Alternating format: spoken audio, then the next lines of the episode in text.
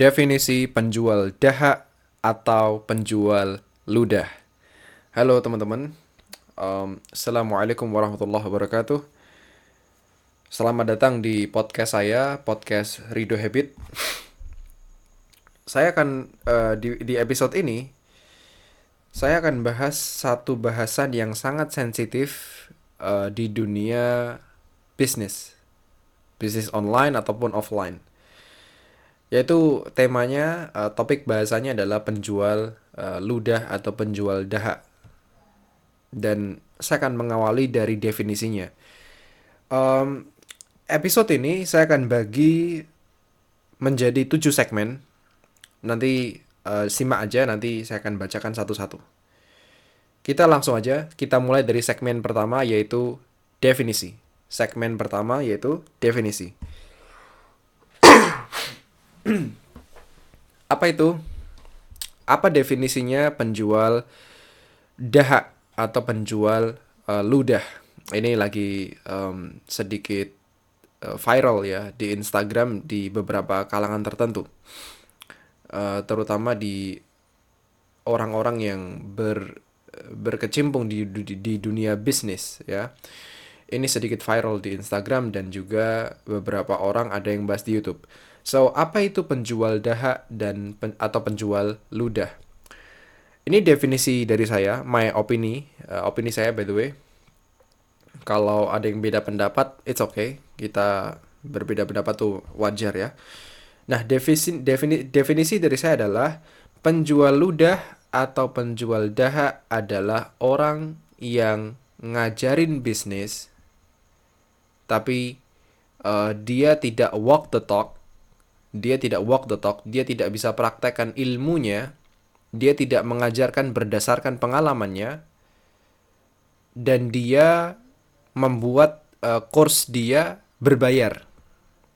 Dia membuat course dia berbayar. Contoh, ada orang ngajarin tentang bagaimana caranya menjadi CEO yang baik, tapi dia nggak pernah dia tidak pernah jadi tidak dia tidak pernah menjadi CEO di sebuah perusahaan. Nggak pernah dia.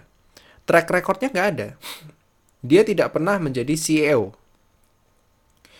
dan dia membuat uh, seminarnya itu atau workshopnya itu berbayar. Dia membuat workshopnya berbayar. Padahal ilmu yang dia sampaikan dia belum pernah praktekkan. Dia ngajarin CEO bagaimana caranya menjadi eh, CEO uh, di sebuah perusahaan yang baik. Ini loh kriterianya CEO, tapi dia belum pernah jadi CEO. Atau mungkin uh, topik yang lain, bagaimana caranya uh, membangun bisnis skincare misalnya. Tapi dia nggak punya bisnis skincare gitu loh. Dan course-nya itu berbayar, mahal juga. Dia tidak walk the talk. Dia tidak walk the talk. Nah, dan course-nya berbayar. Course-nya berbayar dia bikin course tapi dia tidak walk the talk dan course-nya berbayar. Nah, itulah definisi dari saya um, penjual ludah. Dia tidak walk the talk, dia juga tidak um, uh, dan dia dan course-nya dia uh, workshopnya dia uh, baik online atau ataupun offline itu berbayar dan cukup mahal bagi kalangan menengah ke bawah. Kan sasaran mereka kan orang-orang yang literasinya rendah, sasaran mereka. Agar bisa kena clickbait mereka. Nah, itu penjual ludah. Ya, jadi seperti itu definisinya. Mungkin nanti kalau masih ada yang kurang paham nanti akan saya cek lagi, akan saya tambahkan, oke? Okay? itu segmen ke satu. Segmen kedua. Segmen kedua kenapa um, penjual ludah, kata penjual ludah, term istilah penjual ludah dan penjual dahak atau fake mentor, fake gurus itu viral di Indonesia. Kita masuk ke segmen 2 yaitu kontroversi. Kalau kita membahas bagaimana Trump ini bisa viral di Indonesia, ada satu pengusaha inisialnya RR ya. Beliaulah yang uh, paling pertama melopori mempelopori uh, term penjual ludah atau ya penjual dahak ya ini viral di Indonesia. Yaitu tadi definisinya. Orang yang ngajarin bisnis tapi tidak punya bisnis dan course-nya berbayar. Jadi intinya adalah orang yang ngajarin sesuatu tapi tidak walk the talk. Tapi tidak walk the talk dan course-nya berbayar. Course-nya berbayar. Itu definisi dari penjual ludah dan saya sepakat dengan itu. Saya sepakat dengan itu. Karena saya pun kalau mencari seorang mentor adalah orang uh, mentor yang sudah praktek ya. ya sekarang saya belajar, saya mau misalnya mau build, saya mau build uh, company, saya mau jadi CEO nih, tapi belajar dari orang yang tidak pernah jadi CEO. Ya saya nggak mau belajar sama orang kayak gitu. Mending saya belajar sama Pak Budisman. Pak Budisman CEO Coca-Cola. Dan beliau punya workshop namanya SBM, Smart Business Map. Saya akan belajar dari beliau. Kurs beliau mahal, tapi saya tahu track record beliau. Beliau pernah jadi CEO Coca-Cola. Beliau pernah jadi CEO Sari Husada. Nangani Coca-Cola, nangani uh, eh, SSGM, susu, susu SGM. Anda tahu SGM? Ya susu formula itu. Itu besar di tangan beliau. Beliau capable bikin workshop, makanya saya belajar dari beliau, Pak Budisman ya ya makanya kita sebagai uh, sebagai audiens sebagai um, orang yang mau belajar kepada mentor-mentor yang benar itu kita harus punya um, apa ya namanya ya? Kecerdasan untuk melihat track record. Nah itu kadang-kadang orang Indonesia nggak punya karena literasi literasinya rendah banget memang saya akui. Asal belajar sama orang ada ada seminar A ikut ada seminar B ikut ada seminar C ikut. Nggak nggak di nggak diteliti dulu ini yang yang pembicara ini track recordnya gimana. Nggak dilihat dulu.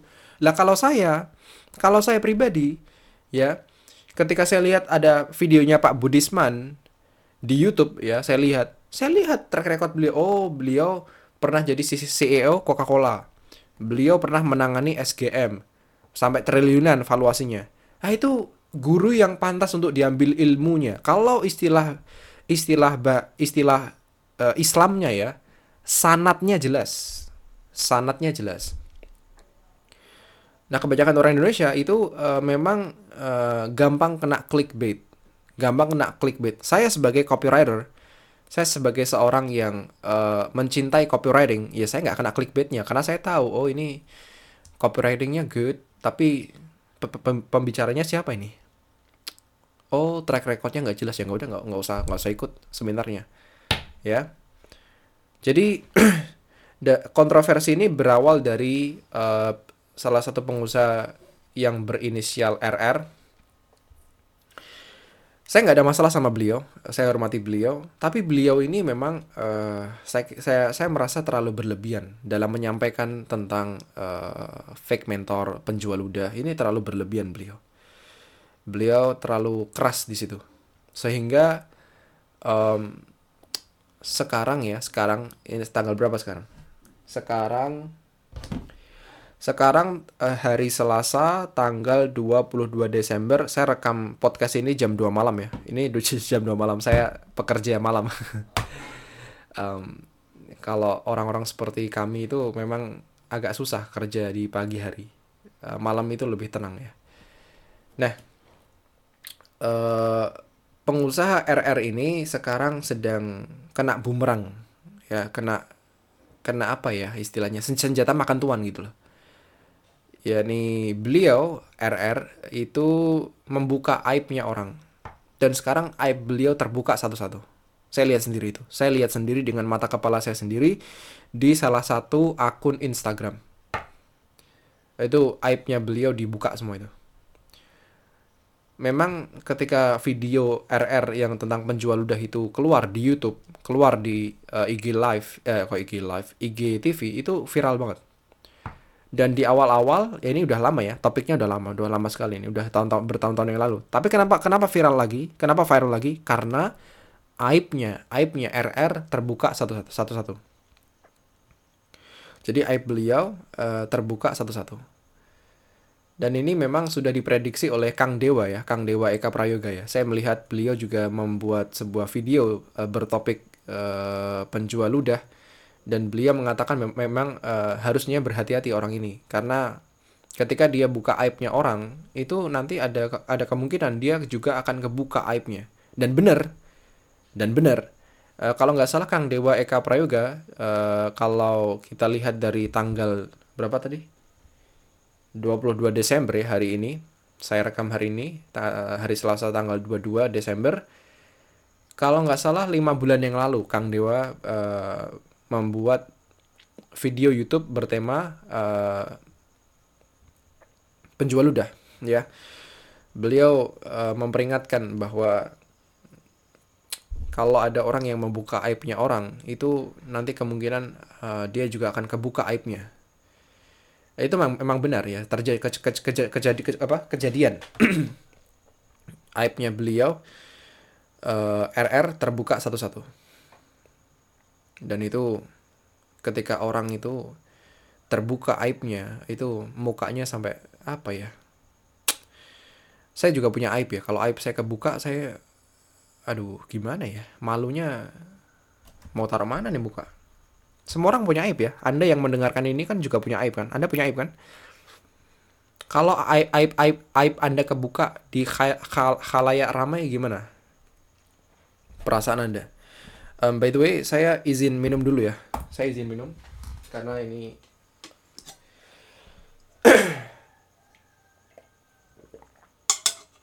ini pembahasan yang cukup panjang.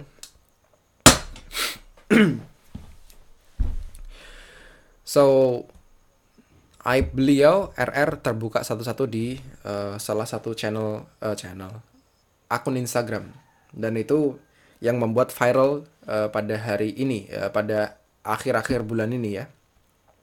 Uh, bukan bulan ya lebih tepatnya minggu ya. Akhir-akhir ini baru-baru ini.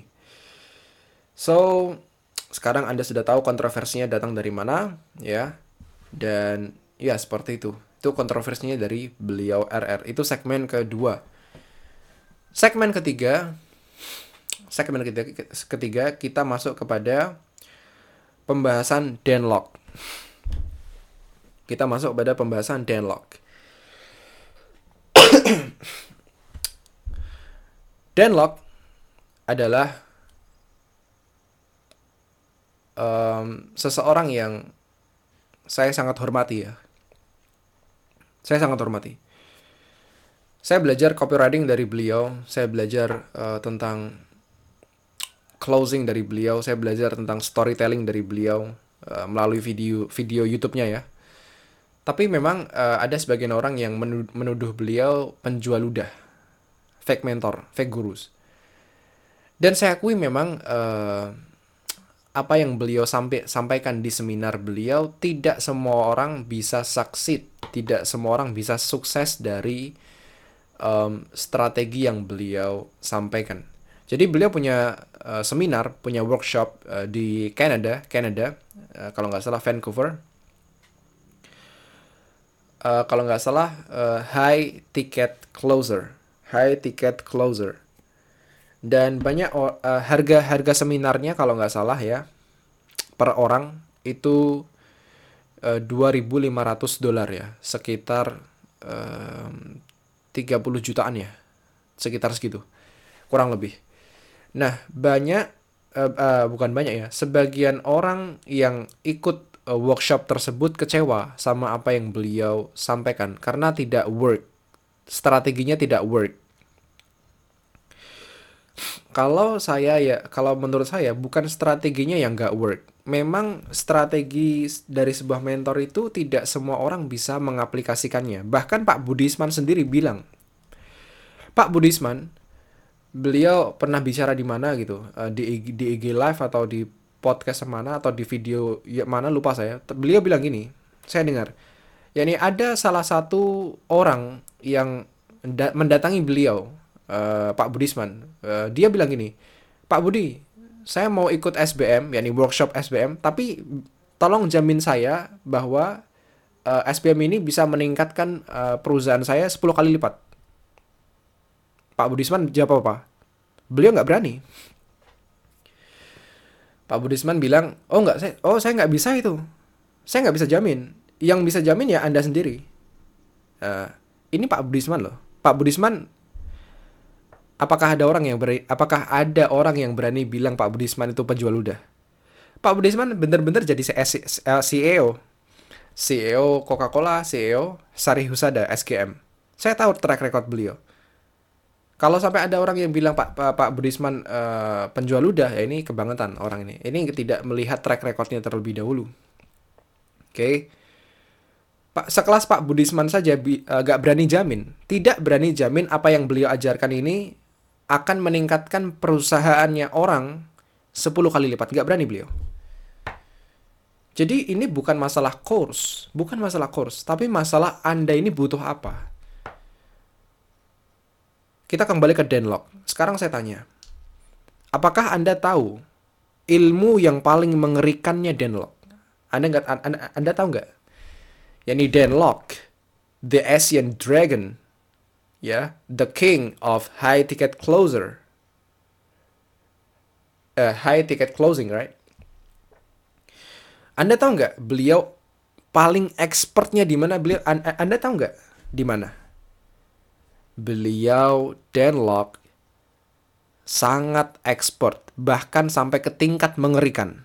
Beliau expert di persuasi. Itu expertise beliau. Beliau di sana. Persuasi beliau, saya selalu mengulang-ulang ke uh, teman-teman saya di uh, sosmed ya, bahwa beliau punya persuasi yang mengerikan. Hendaknya kalian belajar persuasi dari beliau. Saya saya pernah ikut webinar beliau itu saya belajarnya bukan bukan konten webinarnya yang saya catat, bukan. Tapi yang saya catat adalah bagaimana beliau membawakan webinar itu. Di segmen pertama beliau bilang apa? Oh, beliau bilang A, B, C. Oh, seperti ini. Lalu ketika beliau masuk ke ke inti bahasan, beliau pakai kata-kata apa? Oh, seperti ini, seperti ini. Lalu ketika beliau ke akhir, di akhir acara, beliau closingnya bagaimana? Oh, seperti ini. Bagaimana beliau membentuk pain? Bagaimana beliau membentuk gain? Bagaimana beliau sell dream? Nah, itu yang saya saya tulis. Sehingga dari dari dari webinar itu, dari webinar itu, dari webinar Denlock itu, ya kan saya tulis tuh kata-katanya. Oh, beliau uh, di menit ini bilang ini, beliau terus bilang ini pakai pakai kata-kata ini. Tuh saya dengerin terus bagaimana beliau oh intonasi beliau begini. Oh imagine. Nah itu kan bayangkan eh, oh kalau persuasi harus pakai bayangkan. Oh agar kita bisa menggambar di otak manusia di otak audiens kita. Oh. Saya tulis tuh.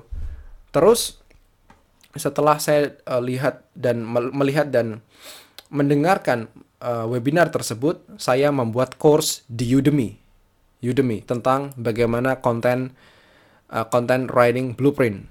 Karena saya uh, blogger, saya blogger, saya penulis blog.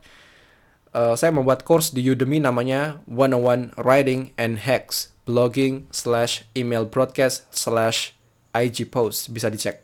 Harganya 10 dolar aja. Nah, di Udemy itu, di Udemy course saya itu, itu video presentasinya saya menggunakan intonasi seperti beliau Denlock saya juga menggunakan uh, persuasi seperti beliau. Tentunya uh, tidak sempurna banget ya. Uh, Alhamdulillah sudah ada satu persa ada, ada sudah ada satu peserta. Dan uh, kurs ini saya gunakan uh, bahasa Inggris ya. Jadi video presentasinya untuk closing itu saya meniru beliau Denlock. Nah, saya belajar persuasi dari beliau. Ya saya sangat berterima kasih dong dari beli, uh, kepada beliau nggak mungkin seorang uh, murid ya mencela gurunya nggak mungkin ya. Nggak nggak mungkin. Oke? Okay? jadi bukan masalah course-nya. Ini masalah um, apa ya? Anda itu butuh apa gitu loh? Anda butuh apa? Anda butuh apa? Anda butuh uh, bisa jadi CEO yang baik. Ya anda belajar dari Pak Budisman. Anda butuh copywriting. Anda belajar dari Denlock. Anda belajar persuasi dari beliau, Anda belajar public speaking dari beliau. Anda butuh apa? Anda takut public speaking? Itu ada uh, ada beliau Romi Rafael punya CD itu. CD apa? CD hipnotis ya. Agar orang yang takut public speaking menjadi uh, berani. Anda butuh apa? Intinya Anda butuh apa? Anda butuh apa? Lalu cari mentor yang memang expert di sana. Dilihat track recordnya. Jangan asal lihat ada seminar A ikut, ada seminar B ikut. Lah Anda nggak tahu yang bicara siapa. Oke? Okay? Itu segmen ke segmen ketiga. Denlock. Sekarang kita masuk ke segmen keempat. Tung Desem Waringin. Pak Tung Desem Waringin. Ini segmen keempat. Pak Tung Desem Waringin ini salah satu orang yang uh, menjadi sasaran RR ya bahwa beliau ini dikatakan di video itu adalah uh, bapaknya penjual ludah yakni orang yang paling uh, ya intinya paling pentolannya lah gitu kan. Tapi saya enggak saya tahu expertnya beliau. Pak Tung Desem Waringin antum tahu nggak expertnya beliau di mana nah, ini banyak orang Indonesia ini kena clickbait semua. Kena kena apa ya? Kena apa ya? Orang Indonesia itu gampang digoreng. Itu yang membuat saya sedih. Gampang digoreng. Gampang sekali. Gampang diprovokasi. Pak Tung Desem Waringin antum tahu nggak expert expertnya beliau di mana? Beliau expert di ternak uang. Ternak uang itu bener ada. Dari investasi. Saya beri contoh yang paling sederhana aja. Kos-kosan. Kos-kosan itu ternak uang. Itu ternak uang. Itu namanya aset. Aset itu apa? Kata beliau, Robert Kiyosaki. Nah, aset adalah sesuatu yang um, mendatangkan uang ke saku Anda. Itu atau aset semuanya, semua hal yang mendatangkan uang ke saku Anda itu artinya aset. Ternak uang itu benar ada. Ternak uang itu benar ada. Tapi memang e, ternak uang ini memang yang yang yang yang menjadi tantangan bagi seorang muslim adalah apakah investasi yang Anda invest di sana itu halal atau haram? Itu yang menjadi pertanyaan yang paling berat ya bagi kaum muslimin karena orang-orang muslim di Indonesia yang saya lihat memang uh, dangkal ilmu fiqh jadi fikih tentang ekonominya memang rendah. Saya pun rendah. Saya baru belajar juga. Bahkan uh, permasalahan riba saja belum belum selesai saya. Masih ada beberapa hal yang perlu saya pahami saya masih ada yang belum paham ya. Seperti horror juga saya belum belum belum belum paham ya. Tapi memang hati-hati. Investasi itu itu halal dalam Islam. Yang diharamkan adalah yang yang yang diharamkan. Ada ada bahasanya para ulama membahas itu dan saya bukan ulama saya nggak saya nggak bisa berbicara di, di sana. Tapi kalau mau uh, invest uh, investasi ternak uang itu benar ada. Cuma yang perlu diperhatikan adalah apakah ternak uang yang anda lakukan ini halal atau haram. Kalau sampai haram wah itu berat. Beratnya di mana? Beratnya bisa di dunia bisa di al akhirah Nah, itu uh, berat ya kalau sampai haram. Jadi kalau mau belajar investasi ke Pak Tung Desem Waringin ya itu benar orang yang tepat. Belajar properti dari beliau Tung Desem Waringin ya benar tepat itu. Nah beliau expert di sana. Kita mau dapat ilmunya, bayar mahal nggak apa-apa. Udah terbukti kok beliau punya properti banyak kok. Cara cara invest di properti gimana? Nah kan kita butuh ilmunya kan. Tuh yang um, menjadi poin ya orang Indonesia gampang digoreng ya tidak bisa memilah-milih itu orang Indonesia tuh tidak paham mana yang hak dan mana yang batil. Dan itu sedikit miris ya. Itu segmen keempat. Segmen ke uh, lima. Kita masuk ke segmen kelima. Segmen kelima adalah Denny Santoso. Uh, sekali lagi saya minta izin untuk minum terlebih dahulu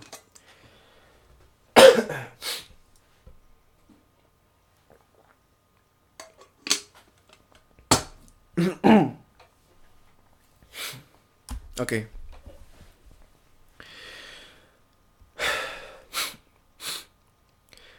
Kenapa saya mau bahas tentang beliau Kodeni Santoso? Karena salah satu orang yang paling berjasa di hidup saya untuk membuka wawasan digital marketing adalah beliau uh, Denny Santoso karena beliau salah satu orang yang uh, pengusaha yang memiliki konten edukasi bisnis, edukasi marketing, edukasi digital marketing terbanyak di Indonesia. Anda mau belajar marketing, hampir semua uh, teknik-teknik marketing di uh, digital itu beliau share di video YouTube beliau gratis for free. For free. Saya uh, wawasan saya kebuka di situ. Saya tahu hook story offer, saya tahu funnel, saya tahu lead magnet, ya. Saya tahu retargeting, saya tahu Facebook ad, saya tahu um, tripwire, saya tahu core offer, saya tahu uh, terus profit max maximizer, bagaimana bikin funnelnya, ya Eh, saya tahu, saya jadi tahu. Yang tadinya nggak tahu, tidak pernah belajar di sekolah, jadi tahu. Ini kan ilmunya mahal ya. Ilmunya mahal loh nih. Strategi kayak ini. Tapi bersamaan dengan ini masih juga beliau Denny Santoso uh, tertuduh bahwa beliau uh, penjual ludah. Ini orang yang mengatakan beliau Denny Santoso adalah penjual ludah hanya orang-orang yang tidak melihat, tidak cek tidak mengecek tentang track record beliau. Beliau sebelum ngajar itu, beliau ngajar seminar itu tahun 2015. Sebelum tahun 2015, antum tahu bisnis beliau apa? Beliau itu ya reseller besar atau istilahnya distributor besar. Ultimate. Ultimate itu apa? Ultimate adalah suplemen fitness. Jadi dari tahun saat uh, 1999 sampai 2015 itu uh, bisnis inti beliau adalah distributor suplemen fitness. Namanya Ultimate. Ya, itu besar banget loh. Itu besar banget loh. Udah make money miliaran beliau. Ya bukan inilah, bukan penjual udah lah. Gimana antum bilang ini penjual udah? Udah proof kok beliau bisa jualan. Lah kan saya belajar marketing. Lah beliau kan uh, expert di marketing ya udah sampai besar banget uh, income-nya. Uh, kalau nggak salah PT Jaya Sport Indo kan. Beliau juga pernah menjadi pakar uh, tentang fat loss di uh, fitness uh, seputar itulah. Pernah masuk MNC kan, MNC TV kan. Ini memang uh, orang Indonesia gampang digoreng ya. So beliau Denny Santoso memang disinggung oleh RR ya di di di di di, di video RR tentang penjual ludah. Dan saya katakan tidak, tidak benar. Karena beliau juga punya bisnis Bonels sekarang. Bonels adalah essential oils. Ya sudah dibuktikan uh, jalur distribusinya juga bagus, ya. Uh, layak jadi mentor, miliaran udah. Antum mau cari mentor kayak apa lagi gitu. Sekarang kalau antum bilang lah, oke okay lah, Enggak, saya nggak saya nggak mau belajar sama Denny Santoso, saya nggak mau belajar sama Tung Desem Waringin, saya nggak mau belajar sama uh, Dan Lok. Saya mau belajar saya mau belajar sama RR aja lah. Oke. Okay. Oke, okay, Anda mau belajar sama RR. Sekarang uh, RR di mana konten gratisannya? Saya cari di YouTube nggak ada tuh. Saya juga mau belajar sama beliau, tapi mana? Video mana gitu loh beliau nggak ngajarin tentang bagaimana bisnis di pertambangan. Katanya beliau punya bisnis pertambangan kan. Beliau nggak pernah ngajarin bagaimana masuknya, bagaimana belajarnya, gimana dasar-dasar dasar-dasarnya, gimana cari partner, berapa modalnya. Nggak pernah diajarin. Beliau juga bilang punya bisnis di perikanan. Beliau tapi nggak pernah ngajarin bagaimana bertemu nelayan, bagaimana uh, mengumpulkan uh, ratusan nelayan untuk berbisnis bareng, bagaimana cari partner, bagaimana perizinannya, bagaimana modalnya, nggak pernah diajarin. Sekarang gimana caranya saya belajar? Apakah harus harus offline, man? Sekarang udah 2020, men, masih offline. Ya ketinggalan zaman antum. Ketinggalan zaman.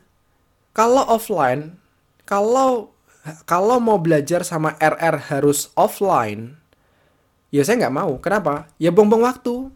Bong saya saya rumah antum tahu rumah saya di mana? Ini saya rekam podcast saya di Wonogiri. Wonogiri antum tahu antum tahu di mana? Di Jawa Tengah, di di itu uh, dekat-dekat uh, Solo, dekat apa? Uh, Surak uh, kok Surakarta. Ya Surakarta dekat dekat apa? Sukoharjo. Wonogiri itu agak agak mepet ke laut. Eh, bukan bukan mono, ya kalau Wonogiri kota nggak mepet ya, Pacitan itu kan. Ya jauh lah kalau harus ke Jakarta.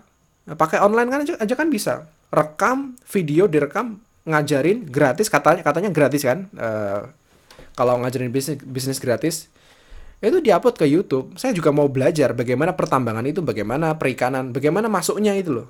Modalnya berapa? Gimana cari partner? Mem memulainya dari mana? Itu nggak pernah diajarin. Sekarang saya mau belajar belajar sama RR gimana? Harus harus ikut ikut itu acceler, accelerator.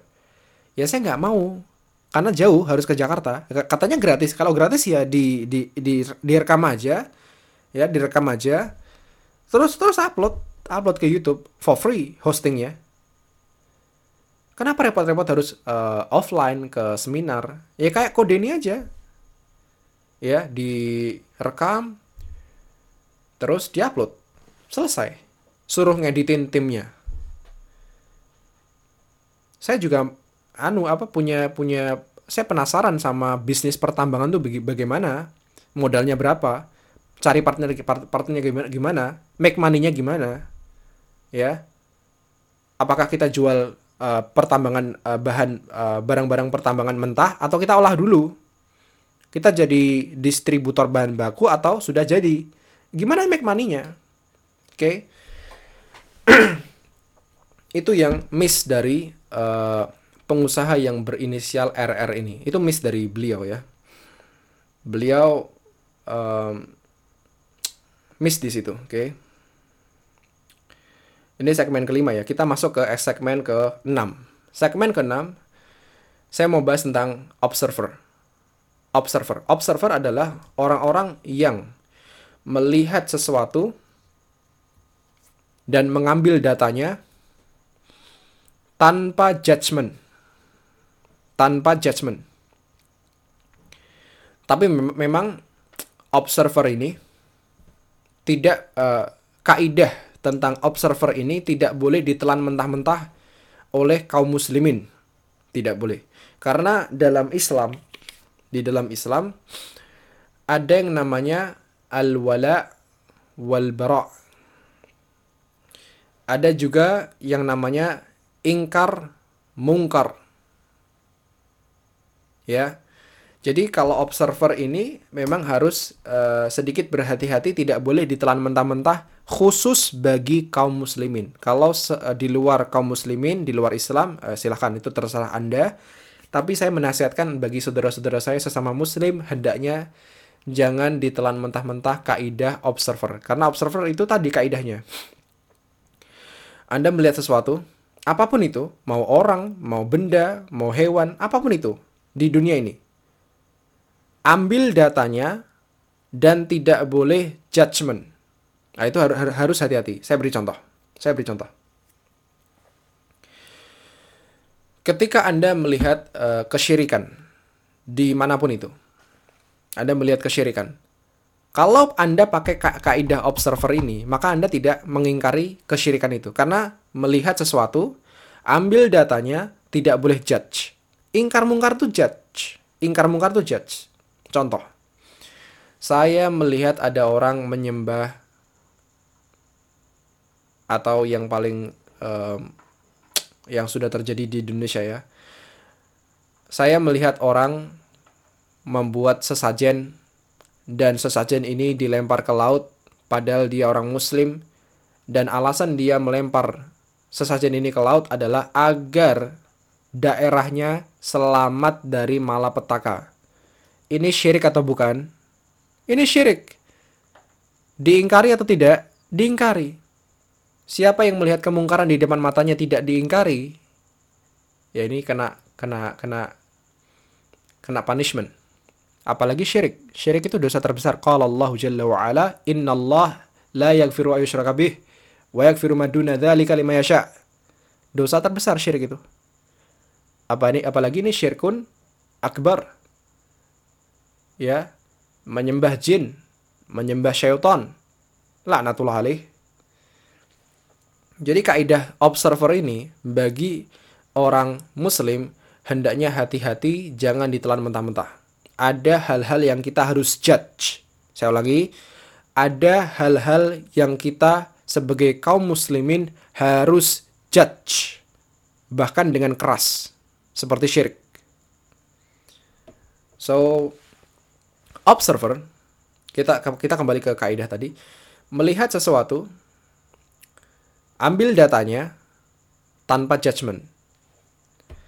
Saya punya bolpen standar. Saya melihat bolpen ini, oh, bolpen ini warnanya hitam, mereknya standar,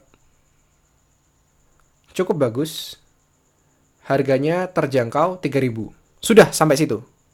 Sudah sampai situ. Itu namanya observer. Melihat sesuatu, ambil datanya tanpa judgement. Kalau masalah ini di Islam pun dibolehkan, tidak ada masalah. Tapi kalau tadi masalah syirik itu memang harus dijudge, harus diingkari. Minimal, seminimal-minimalnya adalah diingkari di hati bagi kaum muslimin, oke? Okay?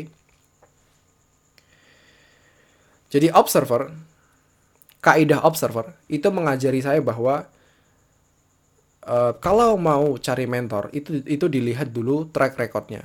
Itu salah satu uh, yang uh, berdampak ke kehidupan saya, observer. Observer juga uh, mengajari kita uh, kaidah observer juga mengajari kita tentang uh, pentingnya diam. Uh, tidak terlalu banyak um, bicara apalagi tentang judgement uh, judgement itu dilakukan oleh orang-orang yang memiliki ilmu seperti tadi ya kalau ada syirik ya diingkari ya tapi kalau hal-hal seperti bolpen, seperti ada orang yang misalnya dia, mohon maaf, uh, gendut ya, obesitas, ya kita lihat datanya. Oh, si bapak itu dia punya bobot sekian, dia uh, sehat, cukup sehat. Ya sudah sampai situ. Tidak boleh judge. Ah, gendut lo, babi lo, itu nggak boleh. Itu nggak boleh itu. Itu namanya udah judge, oke? Okay? Jadi kalau Anda sebagai observer ketika melihat RR, ya sudah, Anda Anda ambil datanya saja. Anda ambil datanya seperti oh RR ini yang melopori mempelopori tentang penjual ludah. Oke, diambil datanya. RR juga punya bisnis tentang pertambangan, perikanan dan seterusnya. Kita ambil datanya. Dan um, beberapa hari ini, beberapa minggu ini uh, isu tentang penjual udah uh, viral lagi, ambil datanya aja. Dah, tanpa judgement. Dah, gitu aja. Nah, itu namanya observer. Observer. Tidak judge. Di hal-hal yang uh, dibolehkan dalam agama. Kita uh, masuk juga ke segmen ketujuh. Segmen ketujuh. Segmen ketujuh ini tentang saya. Segmen ketujuh adalah tuduhan ke saya. Saya juga ketika menulis blog ya tentang bisnis online, saya dituduh juga penjual ludah. Saya katakan saya bukan penjual ludah. Saya bukan penjual ludah. Saya juga penjual saya juga bukan penjual dahak. Saya penulis. Saya penulis blog. Saya penulis blog, saya penulis konten ya di IG, di blog, di email. Itu kerjaan saya sekarang. Jadi ketika saya bilang, ini loh kalau mau bisnis online itu suksesnya begini, itu saya bukan penjual udah. Karena, karena apa? Eh, kita kembali ke definisinya. Apa definisi penjual udah? Definisi penjual udah adalah orang yang ngajarin bisnis, tapi dia tidak walk the talk, dan course-nya, course-nya, ini di garis bawah ini, dan course-nya, pelajarannya itu berbayar. Saya memang belum walk the talk, saya belum punya bisnis, by the way. Tapi tulisan saya ini gratis, tulisan saya ini gratis. Gak ada orang yang saya ambil uangnya sepeser pun, gak ada. Saya memang sedikit ngajarin tentang bisnis karena saya mengambil dari ilmu dari mentor-mentor ya. Seperti Pak Budisman saya dengarkan uh, IG live beliau dengan Pak Baskoro. Saya uh, tuliskan poin-poinnya, lalu saya share di blog saya ya itu kan saya uh, belum punya bisnis tapi saya udah share tentang bisnis Ya itu bukan penjual ludah karena saya karena tulisan saya gratis. Antum bisa lihat tulisan saya for free. Tidak dipungut biaya satu rupiah pun. Ya kalau begini bukan penjual ludah. Saya penulis. Saya rangkumkan ilmu yang luas ya kepada Anda agar Anda mudah baca uh, blog saya. Saya bukan penjual ludah, saya katakan. Bukan, tuduhan itu tuduhan aja itu, fitnah itu. Saya penulis, saya penulis, saya penulis blog merangkumkan hal yang berantakan menjadi satu kesatuan agar Anda mudah bacanya. Itu kerjaan saya. Itu kerjaan saya. So, tuduhan ini tidak benar. Kalau ada yang bilang saya penjual ludah, no, saya bukan penjual ludah. Saya juga nulis di Quora. Ada orang yang uh, komen di gini, uh, komen gini di uh, di, di di di konten yang saya tulis di Quora, dia bilang gini. Tolong uh, ceritain pengalamannya dong bang. Uh, tapi kayaknya saya lihat dari ini ya, dari nada mengejek ya. Ya saya katakan saya penulis. Ini konten yang anda baca ini saya belum walk the talk, saya belum amalkan, saya belum praktekkan. Tapi kan gratis kan, anda nggak nggak nggak nggak rugi satu rupiah pun kan, gratis. Baca baca aja. Kalau bermanfaat ambil, kalau nggak bermanfaat tinggalkan. Saya bukan penjual udah, saya katakan. Saya penulis konten, itu kerjaan saya. Clear ya? Jadi bedanya penjual udah dengan orang yang ngajarin tapi gratis, right? Itu beda tuh. Jadi penjual udah itu syaratnya adalah mereka membuat apa yang mereka ajarkan itu berbayar tapi mereka juga tidak walk the talk, tidak berjalan eh, di atas apa yang mereka bicarakan. Faham sampai sini? Demikian saja. Ya, ini segmennya udah selesai, udah sampai ke tujuh ya. Jadi saya harapkan dari um, panjang lebar seperti ini, Anda paham apa itu penjual dahak, apa itu penjual ludah, dan bagaimana Anda memilih mentor yang tepat. Dilihat track recordnya terlebih dahulu. Ya, itu uh, nasihat dari saya. Mungkin itu aja. Kalau uh, ada pertanyaan ke saya misalnya, anda bisa follow saya di Instagram Rido Habit ya. Tulis saja di search di search bar Rido Habit ya. Rido Habit. Itu nanti ada ada ada muncul itu. Anda bisa follow saya di Instagram Rido Habit. Anda juga bisa lihat karya tulis saya di listbuildingmastery.web.id. listbuildingmastery.web.id atau Anda bisa kunjungi Instagram sa Instagram saya saja uh, Rido Habit. Nanti itu ada link, ada link di bio. Itu diklik terus ada ada menu, ada menu ya, ada menu tulisannya karya tulis Rido. Itu diklik aja. Jadi podcast episode kali ini uh, temanya memang agak sensitif dan saya kira semoga bermanfaat bagi society. Dan saya akhiri sampai sini saja. Assalamualaikum warahmatullahi wabarakatuh.